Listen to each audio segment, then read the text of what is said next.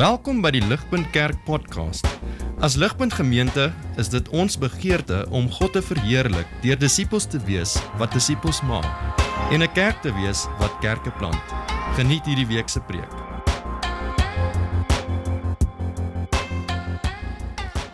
Ons lees vanaand Openbaring 12 uit die 2020 vertaling. Twee dae indrukwekkende teken in die hemel verskyn. 'n Vrou bekleed met die son, met die maan onder haar voete en op haar kop 'n kroon van 12 sterre.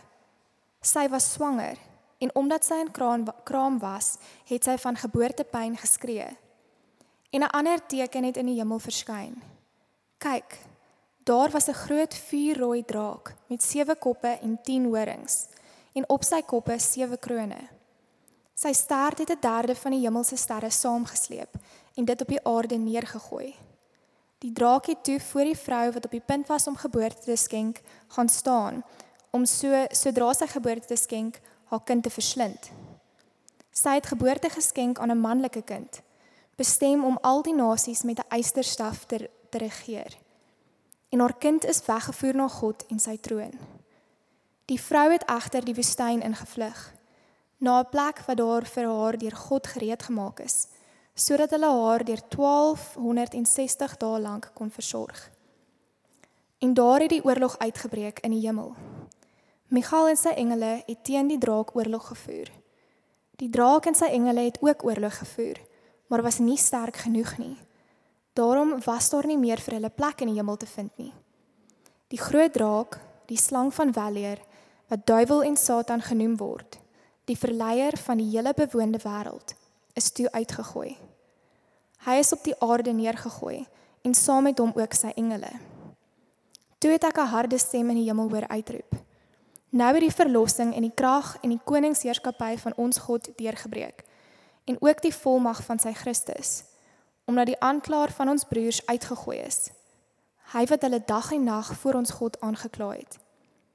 Hulle het hom oorwin op grond van die bloed van die lam en op grond van hulle getuienis.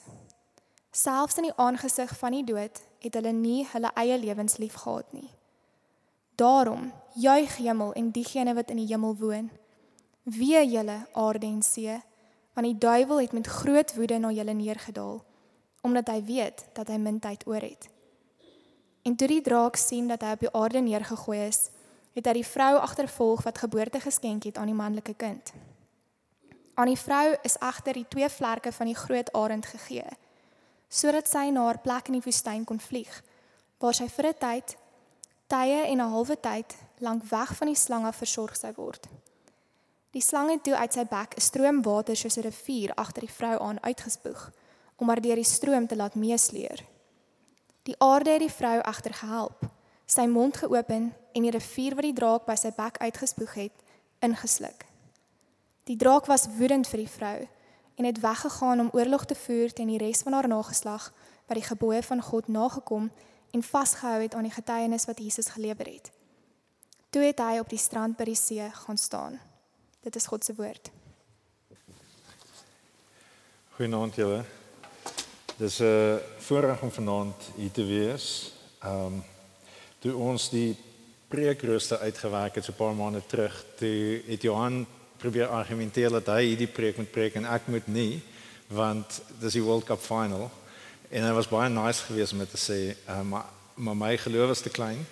En so ek het nie gedink ag gaan 'n World Cup final wees gisterand nie. Ek het nie gedink ons gaan in hom wees nie. Ehm um, en so ek was moeg vandag. En Johan was my genadig om my te wou uitruil met my maar ons het dit nou nie gedoen nie. So hier het julle my nou vanaand. Ehm um, ja my naam is Elo van die kerk vir die wat julle nie weet nie uh, is 'n voorreg om hier by julle te wees en is lekker dat die weer verander het. Ehm um, vanoggend was somer, vanaand is winter of iets tussenin. Ehm um, en so is 'n voorreg. Ehm um, die God se wêreld is interessant en is vol dinge. En ons gaan in vanaand se teks gaan ons 'n bietjie daarna kyk. Nou hoe hoe verstaan ons die wêreld waarin ons onsself bevind? Maar voor ons daar kom, gaan ek net weer bid en vra dat God ons genadig sal wees soos wat ons saam na sy woord kyk. Kom ons bid saam. Vader ons dankie vir vanaand. Ons dankie vir hierdie paar oomblikke wat ons in U naam kan vergader waar ons na U woord kan luister. Ons wil vra dat U met ons sal praat. Vader, sal U ons help om U stem te hoor? Sal U die Gees in ons harte werk en ons oë oopmaak om die bemoedigende boodskap van Openbaring te hoor, ons eie te maak en na volgens te lewe. Vir ons bid dat U ons sal opbou in die geloof. Ons bid dat U hierdie tyd sal gebruik vir U glorie en vir ons beswil. Ons vra dit in Jesus se naam. Amen. Vind jy wat gaan aan met ons wêreld? wat wat gaan aan in die tyd waar ons onsself bevind? Daar's soveel mooi rondom ons. Jacarandas in Oktober is amazing. Ehm um, almal se Facebook profiles is vol van gesinnetjies wat foto's neem onder die jacarandas en dan partykeer wys hulle vir jou van 5 jaar terug toe hulle ook onder dieselfde bome foto's geneem het. Dit's baie mooi. Ehm um, dit is 'n groot voorreg. Die bome is besig om groen te word na die reën van vandag. Hoop ek die gras gaan groen wees. Ehm um, vanoggend was dit nog somer, so was lekker. Ehm uh, maar daar's daar's soveel vreugdes om te beleef. Gisteraand se rugby was amazing geweest. Ehm uh, ek wou gaan slaap het natuurlik want ek was vanoggend bietjie besig. Ehm um, maar my bure wou nie gaan slaap het nie want hulle het te lekker gekuier. Uh, daar was te veel in die lewe vir hulle om te geniet en met mekaar geniet en so die lewe was 'n lied gisterand geweest vir 'n klomp mense en ons het ek dink ons het baie om voor dankbaar te wees as Suid-Afrikaners. God het nie van ons vergeet nie. Ehm um, maar die lewe is nie altyd so nie. En so die maar gedeelte.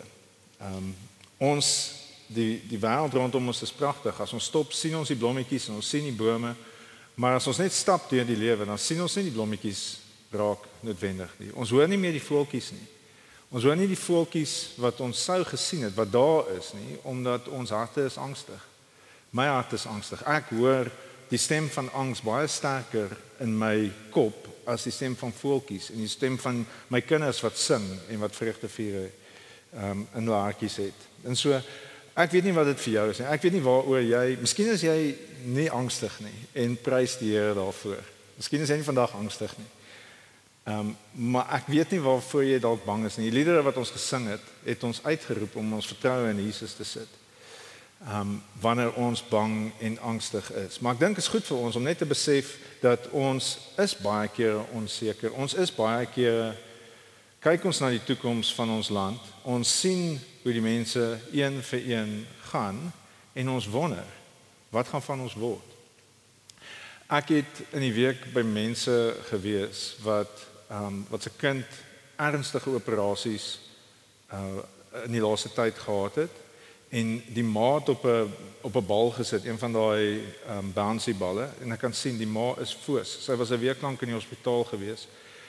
Maar die babatjie het seer en so sy sit op die bouncy bal en probeer die baba aan die slaap te maak, maar die ma lyk of sy van die bal af gaan val. Ehm um, soos wat sy doodmoeg is en, en haar rug is seer van bouncy altyd, maar dis al wat maak dat die kind nie huil nie.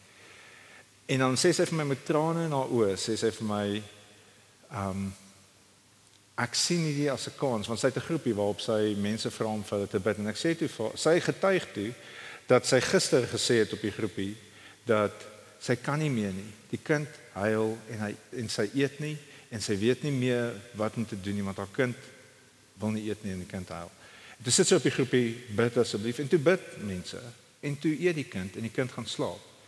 En so sy sê toe, soos wat sy daar op die bal al van die slaap sit met trane in haar oë, sê sy ek sal hierdie elke keer weer doen as ek net vir die Here kan eer gee vir die manier waarop hy my help in hierdie situasie. En so dit is 'n perspektief wat my inspireer. Dis 'n perspektief wat ek dink wat Openbaring 12 vir ons wil gee. Dit dit dis 'n perspektief van iemand wat vashou aan God ongeag die omstandighede. So hoe is ons as kerk veronderstel om te lewe in die gebrokenheid wat ons daagliks ervaar? Hoe is ons veronderstel om te lewe soos daai vrou? Hoe is ons veronderstel om te volhard? Ons het perspektief nodig. Ons het nodig om te verstaan wat rondom ons aangaan en die stryd waarin ons onsself bevind. Uh, Job was iemand wat die goeie en die slegte in die lewe geken het. Job was 'n karakter uit die Ou Testament en hy word beskryf as as 'n opregte man, 'n man wat opreg lief was vir God. Um en hy was ook 'n hy word ook beskryf as iemand wat daar was niemand meer vermoënd as hy in die in die ooste nie. En so um, Johan sê vir my met die Afrikaans 'n bietjie tone down. So vermoënd beteken ryk. Ehm um, daar was niemand ryker as Job in die ooste nie en hy was 'n goeie man geweest. En toe sê die duiwel vir ehm um, toe sê die duiwel vir God: "Die enigste rede hoekom Job so lief is vir jou is omdat jy so goed is vir Job." En ehm um, God sê te vir die duiwel: "Kom ons kyk. Jy kan kyk. Jy kan doen wat jy wil aan Job. Jy mag hom net nie doodmaak nie." En dan gaan die duiwel en Hy as as jy Job lees is 'n interessante boek, is jy moet werd om dit te lees. So die duiwel gaan dan en daar kom vuur uit die hemel uit neer wat Job se se kudde en sy werkers doodbrand. En die duiwel stuur 'n sterk wind uit die woestyn uit wat die huis waar Job se kinders besig is om 'n feesmaal te hê, vee die huis plat en al sy kinders is dood. Daar's nasies wat die duiwel oprig wat die Sabiërs en die Galdeërs wat kom en met die swaard Job se mense doodmaak en sy ehm um, sy kudde vat, sy rykdom plunder. En selfs naby aan die huis, selfs binne in Job se huis, sê sy vrou vir hom: "Job, vervloek die Here, want hy is nie goed vir ons nie. Hy is nie goed vir jou nie." En ehm um, selfs sy vriende, Job se vriende, gee vir hom slegte advies. Hulle beskuldig, hulle sê vir hom dis sy skuld. Die straf wat hy kry, verdien hy. En so die duiwel probeer om Job te vernietig, probeer om sy geloof te vernietig sodat hy God kan bykom. Maar Job het nie gesondig nie. Job het 'n ongelooflike geestelike perspektief op die lewe. Hoor wat sê hy in in Job 1 vers 21. Hy sê: "Naak het ek uit my moeder se skoot gekom en naak sal ek na die skoot van die aarde terugkeer. Die Here het gegee en die Here het geneem." mag die naam van die Here geprys word. Wat 'n perspektief. Wat 'n perspektief dat alles is net 'n geskenk. Job se liefde vir God word tot op die uiterste getoets en dit word as eg bewys. En in die proses verloor die duiwel en God wen. Nou 'n vraag wat ons onsself moet vra om ons te help om perspektief te kry op ons bestaan is wie is verantwoordelik vir Job se swaarkry? Wie is verantwoordelik vir Job se swaar kry? Is dit die wind en die vuur? Of is dit die Galdeërs of die Sabiërs? Of is dit sy vrou? Of is dit sy vriende? Of is dit die duiwel? Of is dit God? Wie is verantwoordelik vir Job se swaar kry? Die antwoord is ja, almal. Almal is verantwoordelik vir Job se swaar kry. Die vuur het hom skade berokken. Die Galdeërs en die Sadeërs gaan moet rekenskap gee van dit wat hulle aan hom gedoen het. Maar die duiwel staan agter dit alles. Die duiwel is die een wat God se kinders probeer vernietig en hulle geloof en vertroue in God probeer vernietig. Maar God staan oor dit alles. God het oor dit gestaan. Hy het toegelaat dat die duiwel sy kind aanval want God het sy kind beskerm. God het sy kind se geloof as eg bewys in die proses is die duiwel verslaan. Die duiwel mag dalk houe inkry in hy verseker houe ingekry in Job se lewe en die, die duiwel mag dalk houe inkry in ons lewens. Maar die duiwel kan nie God se goeie plan vir ons ondermyn nie. Um, God laat toe dat ons swaar kry. Hy laat toe dat ons vir 'n tydperk lank swaar kry. Job het vir 'n tydperk lank swaar gekry. En die egtheid van sy sy liefde vir God is op tot op die uiterste te, te getoets. Maar God het sy punt gemaak. Sy kinders is werklik lief vir hom en so wen God deur sy kinders staande te hou. Nou die storie van Job help ons om Openbaring 12 te verstaan. Uh, dit is 'n boodskap wat ons help om sin te maak van die wêreld waarin ons onsself bevind en ek dink ek wil net vinnig vir 'n oomblik verduidelik. Ons lewe in 'n gebroke wêreld. 'n Gebroke wêreld beteken sonde het in die wêreld ingekom. Ons lewe nie meer in die paradys nie. En so ons is nie ons is nie meer in 'n in 'n omgewing waar die die die wêreld is gekurs as gevolg van sonde. So daar's daar is gebrokenheid in die wêreld. Die wêreld is nie meer 'n perfekte tuiste vir ons nie. Daar is dorings en dussels, daar is siekte. Ons omgewing is nie ons gunstig gesind soos wat dit was in die paradys nie. Ehm um, maar daar's verdere gebrokenheid in die wêreld wat ook vir ons so, tot tot swaar kry kan lei. Dis ons eie gebrokenheid. Ons eie sonde lei tot swaar kry vir ons. En die sonde van ander lei tot swaar kry vir ons. En as ek na die wêreld kyk, is dit hoe ek na die wêreld kyk baie keer. Ek kyk na die wêreld as gebroke in terme van my sonde, julle sonde en die gebrokenheid van ons omgewing. Maar wat ons in vandag se teks moet raak sien, is dis nie net die gebrokenheid van die wêreld wat ons skade berokken nie. Daar ons het 'n vyand. As kinders van God het ons 'n vyand wat ons aktief probeer vernietig. Die duiwel is besig om ons te probeer bykom. Ons kan nie alles verstaan wat die duiwel doen nie.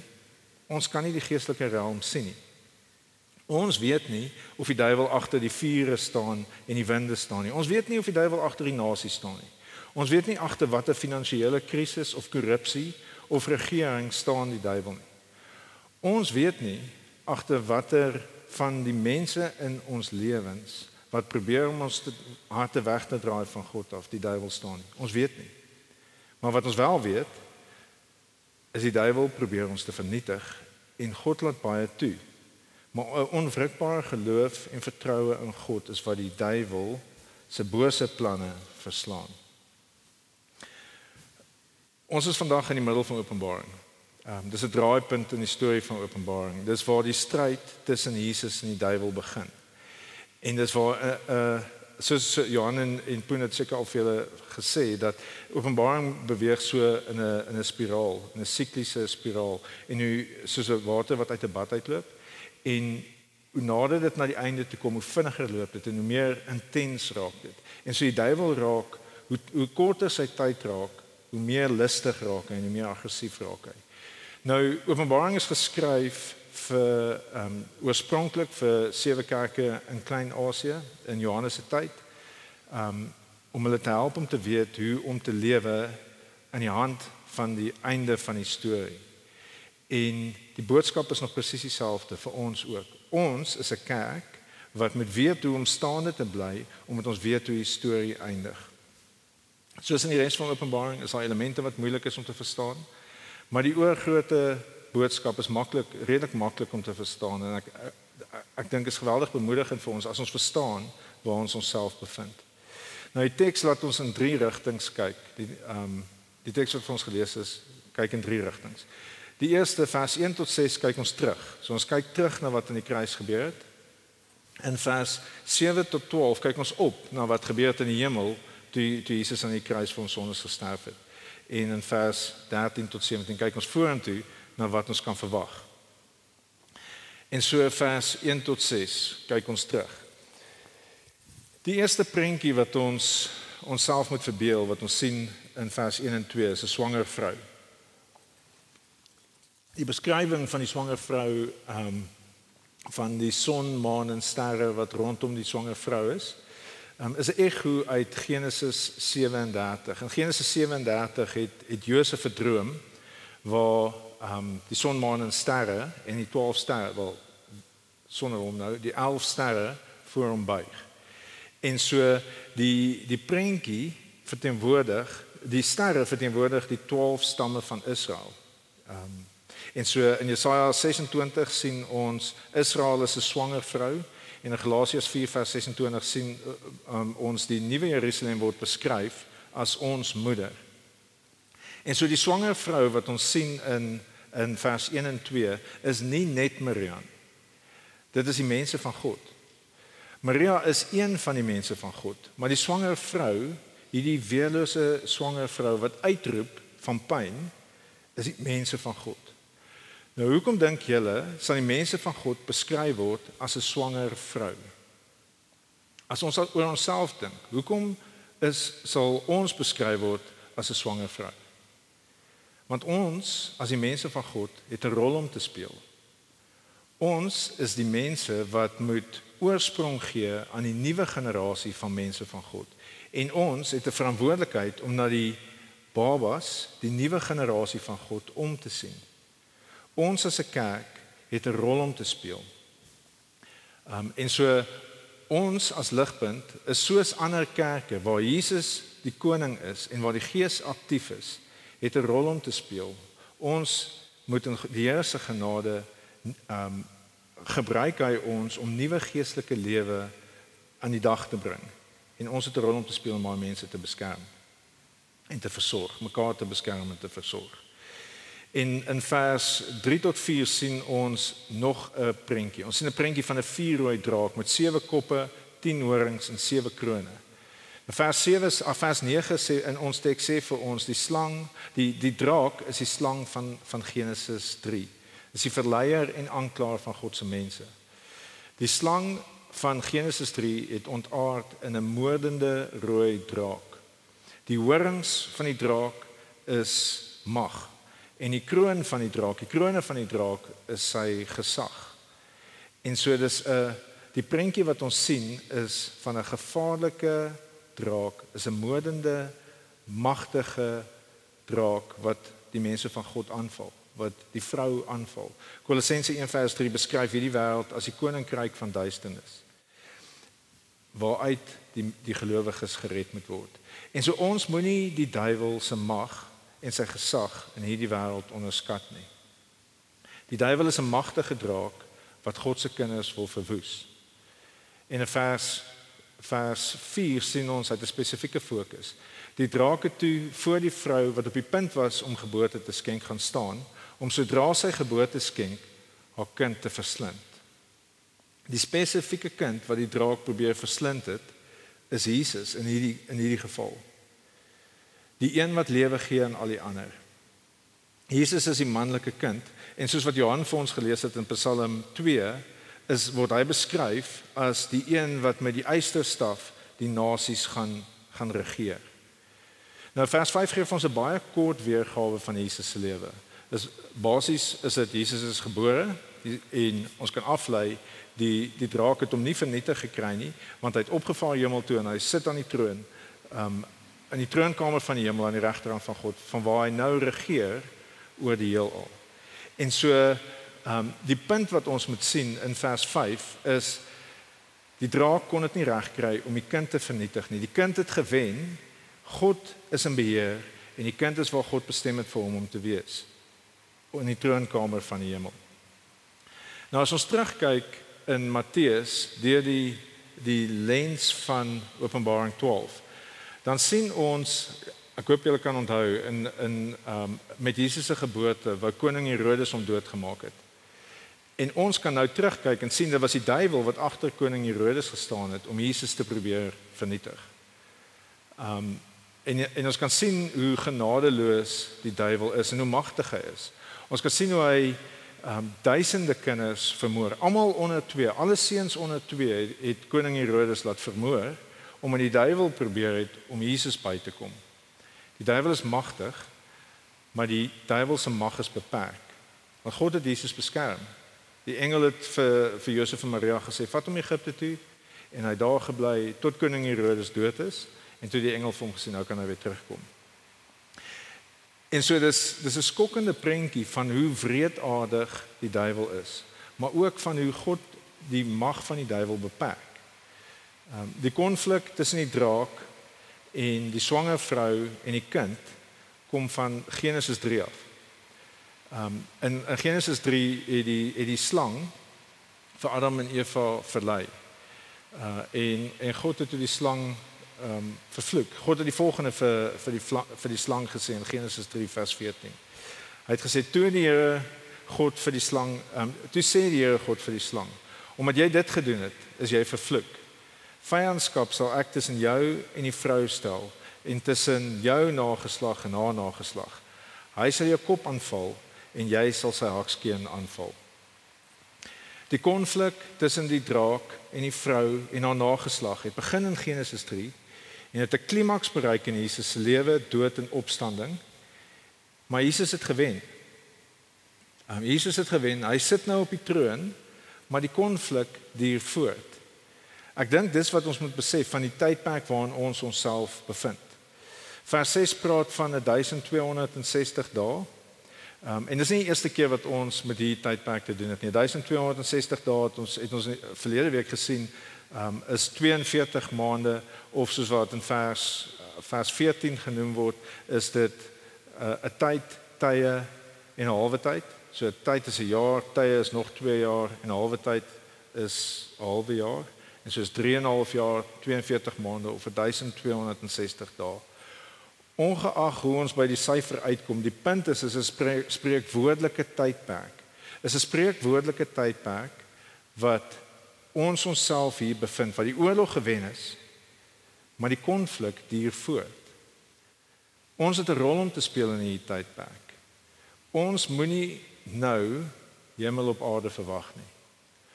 Maar ons moet ook nie moed opgee nie. Ons kan nie moed opgee nie. Ons het 'n rol om te speel. Ons het Jesus roep ons om ons rol te speel. En hy is met ons. God is met ons. Die duiwel sal enige iets doen om ons te kry om ons rug op God te draai. Maar God is met ons. Hy hou ons staande. Vers 6 sê ehm um, volgens vers 6 vlug die vrou na die wildernis vir 'n tydperk. Daai tydperk, 1260 dae. 'n Plek wat God vir haar voorberei het. God het dit vir gereed gemaak en dis daar waar hy haar versorg.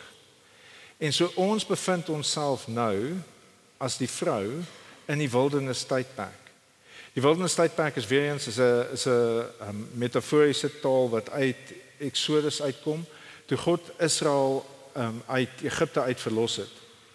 Het hulle ehm um, het hulle het hulle deur die wildernis gegaan. So hulle is hulle is deur die see, hulle is in die wildernis. Hulle daar moes hulle leer om God te vertrou, soos wat hulle op pad is na die beloofde land toe. En so wat Openbaring hier vir ons sê is ons beleef nou 'n wildernis tydperk. Ons is nou in 'n tydperk waar ons moet leer om God elke dag te vertrou. Israel moes God vertrou elke dag vir kos en elke dag vir beskerming en elke dag om hulle te lei bedags met 'n wolkkolom en snags met 'n vuurkolom. En soos wat hulle hom gevolg het en hom leer ken het en ehm um, sy sy wette gekry het om te weet hoe om in 'n verhouding met hom te lewe, was hulle op pad na die beloofde land toe. En so dis die tydperk waarin ons onsself nou bevind. 1260 dae van wildernis tydperk waar ons God leer ken en waar ons getrou is en waar ons ons rol as vrou in hierdie wêreld vervul. Um, die wildernis is nie ons tuiste nie. Dis 'n tydperk wat ons moet deurgaan waar ons 'n rol het om te vervul en waar ons God moet leer ken as ons bruidegom. Die prentjie wat ons hier in vers 6 kry, ehm um, is dat ons nou 'n vrou is in die wildernis wat God moet wat God versorg en wat deur God beskerm word sodat ons hom beter kan herken. Ons harte huis hunker huis toe. My hart hunker om nie meer angstig te wees nie, om nie meer hoef bang te wees nie, om nie meer onsekerheid te hoef te beleef nie. Maar ons is in hierdie wildernis tydperk want ons het 'n rol om te vervul. Ons as die vrou moet geestelik ons rol vervul sodat God nuwe geestelike lewe geestelike kinders kan kry. En ons moet mekaar versorg en ons moet God leer ken en getrou leer wees soos wat Job was. Dis waar ons onsself nou bevind. En dis waarna toe ons teruggekyk het. So ons kyk ons het teruggekyk na wat die kruis vir ons beteken en nou gaan ons opkyk in vers 7 tot 12 na wat in die hemel gebeur het aan die kruis. Weerens is 'n poging om ons te help om geestelike perspektief te kry op ons huidige ervaring. En so vers 7 tot 12. Kom ons lees dit saam. En daar het oorlog uitgebreek in die hemel. Michael en sy engele het teen die draak oorlog gevoer. Die draak en sy engele het ook oorlog gevoer, maar was nie sterk genoeg nie. Daarom was daar nie meer plek vir hulle in die hemel te vind nie. Die groot draak, die slang van weleer, die duiwel en die Satan, wat die duiwel en die Satan genoem word, die verleier van die hele bewoonde wêreld, is toe uitgegooi. Hy is op die aarde neergegooi en saam met hom ook sy engele. En soos weer 'n prentjie van Jesus se oorwinning. Jesus het gewen. Die draak is neergegooi. En en in die hemel is 'n ehm um, is 'n oorwinning behaal. Maar kom ons lees aan. Kom ons lees aan in vers 10. Toe het ek 'n harde stem in die hemel hoor uitroep. Nou het die verlossing en die krag en die koningsheerskappy van ons God deurgebreek en ook die volmag van sy Christus omdat die aanklaer van ons broers uitgegooi is hy wat hulle dag en nag voor God aangekla het Jesus het gewen die satan het nie meer toegang tot God nie hy is uit die hemel uit neergegooi op die grond en so hy het nie meer toegang om ons aan te kla nie en behalwe dat hy nie toegang het om ons aan te kla nie het hy ook niks meer om ons van aan te kla nie die die lam het die prys vir ons sondes betaal As God nou na ons kyk, is ons skoon gewas. Die wie, wie se vertroue in die lam is, is totaal skoon gewas. Jesus se plek, sy lewe tel nou vir ons lewe. En so die duiwel het verloor. Jesus het gewen. En ons lewe in daai oorwinning um, in vers 11. Vers 11 sê hulle het hom oorwin op grond van die bloed van die lam en op grond van hulle getuienis. Selfs in die aangesig van die dood het hulle nie hulle eie lewens lief gehad nie. Ons oorwinning is opgesluit in Jesus se oorwinning.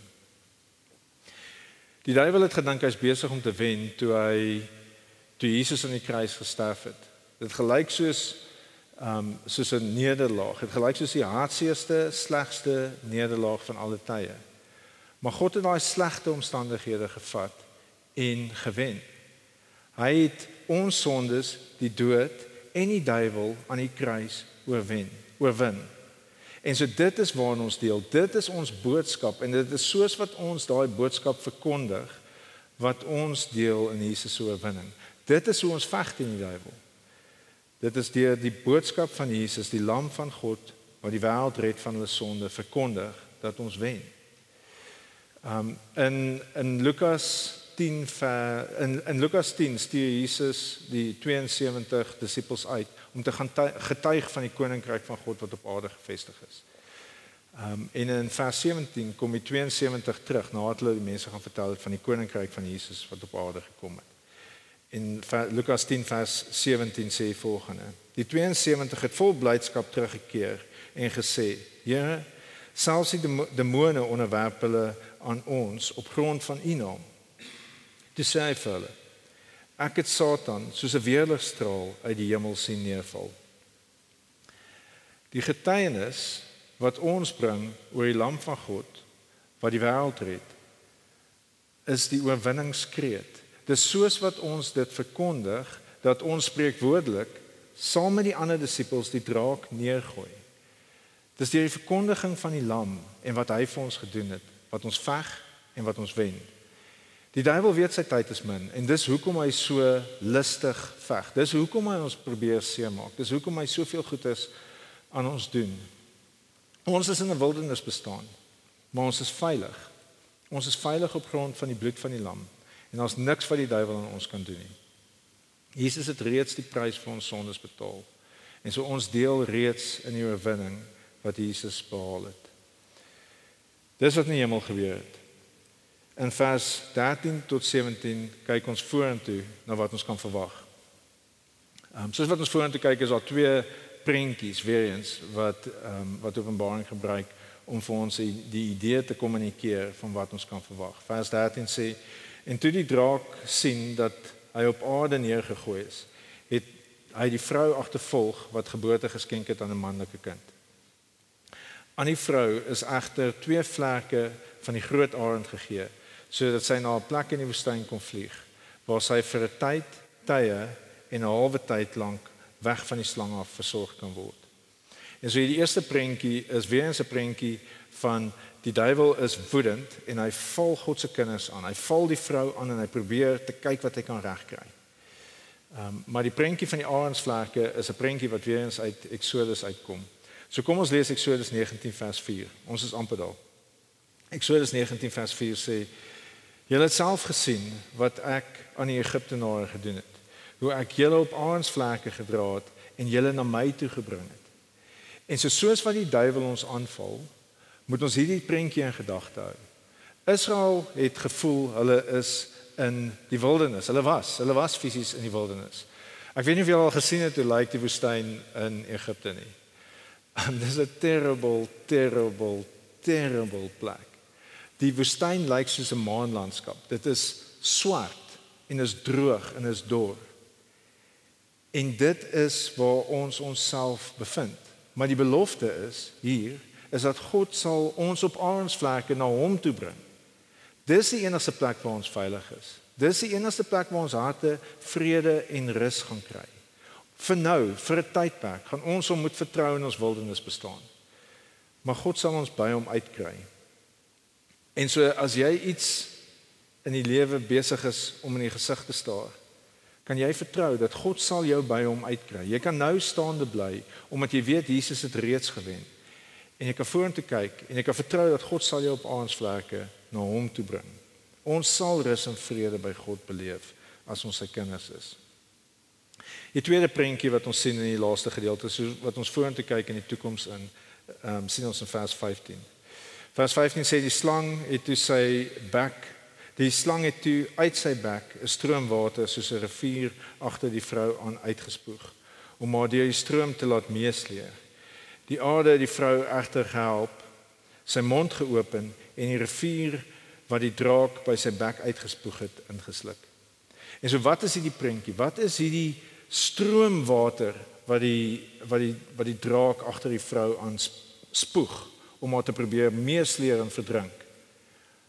Kom ons dink oor wie die draak is. Die draak is die is die die leenaar, is die vader van leuns. Hy is die ene wat wat ons probeer, die kerk probeer en die mense van God probeer vernietig deur leuns. Um, en die manier waarop God reageer is hy sê ek sal daai water insluk. In die Ou Testament is het, het God die aarde oopgemaak en valse profete ingesluk. Um, en so dis die belofte waaraan ons kan vashou is dat daar is in hierdie wêreld in 'n post-truth society is daar soveel weens wat na ons kant toe kom.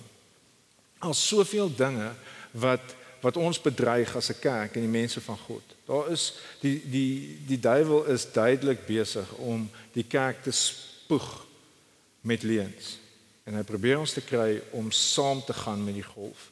En ons kan duidelik sien hoe die wêreld saam met die golf van leuns gaan. En ons kan sien wat se skade die leuns in die wêreld berokken. En maar ons kan vertrou dat God sal die ware kerk sal staande bly want God sal ons beskerm. Hy sal hy hy is die koning oor die skepping en hy sal selfs die skepping gebruik om ons te beskerm. Vers 17 gee vir ons 'n definisie van die ware kerk en dis waar ons stop. Ehm um, vers 17 gee ons 'n definisie van die ware kerk. Die wat die gebooie van God nakom en vashou aan die getuienis van Jesus. Dis wie ons is. Die die die gebooie van God som Johannes op in liefde vir God en liefde vir medemens en die getuienis van Jesus.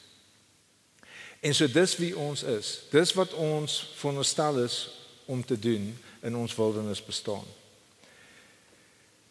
Ek sluit vir ons nou reg af.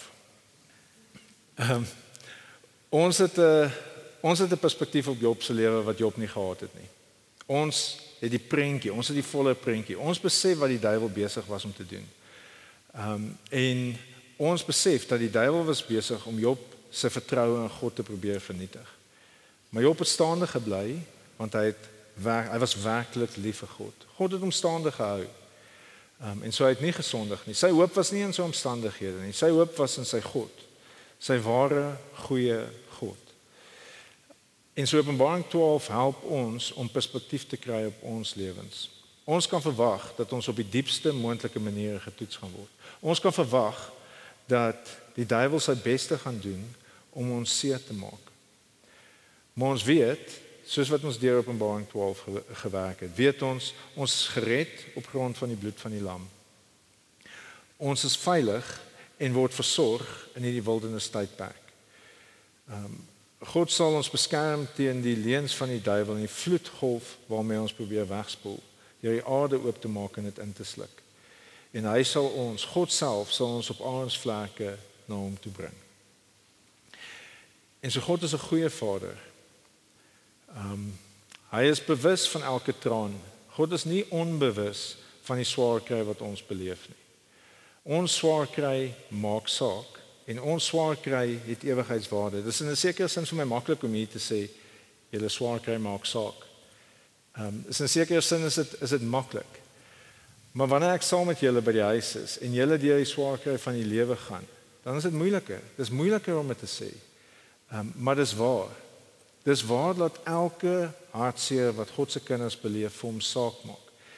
Psalm 56 sê die volgende: You have kept count of my tossings. Dit beteken God weet, hy hy het opgeteken in sy boek hoeveel keer ek gisterand omgerol het omdat ek bekommerd was oor my kinders se toekoms. God weet dit. Hy hou rekord daarvan. Ehm um, hy sê you've kept count of my tossings, put my tears in a bottle. God sit ons trane in 'n bottel. Elke dink 'n bietjie hoeveel trane vat dit om daai koffievles op te vul. Dink hoeveel trane vat dit om een van daai koffievlesse op te vul.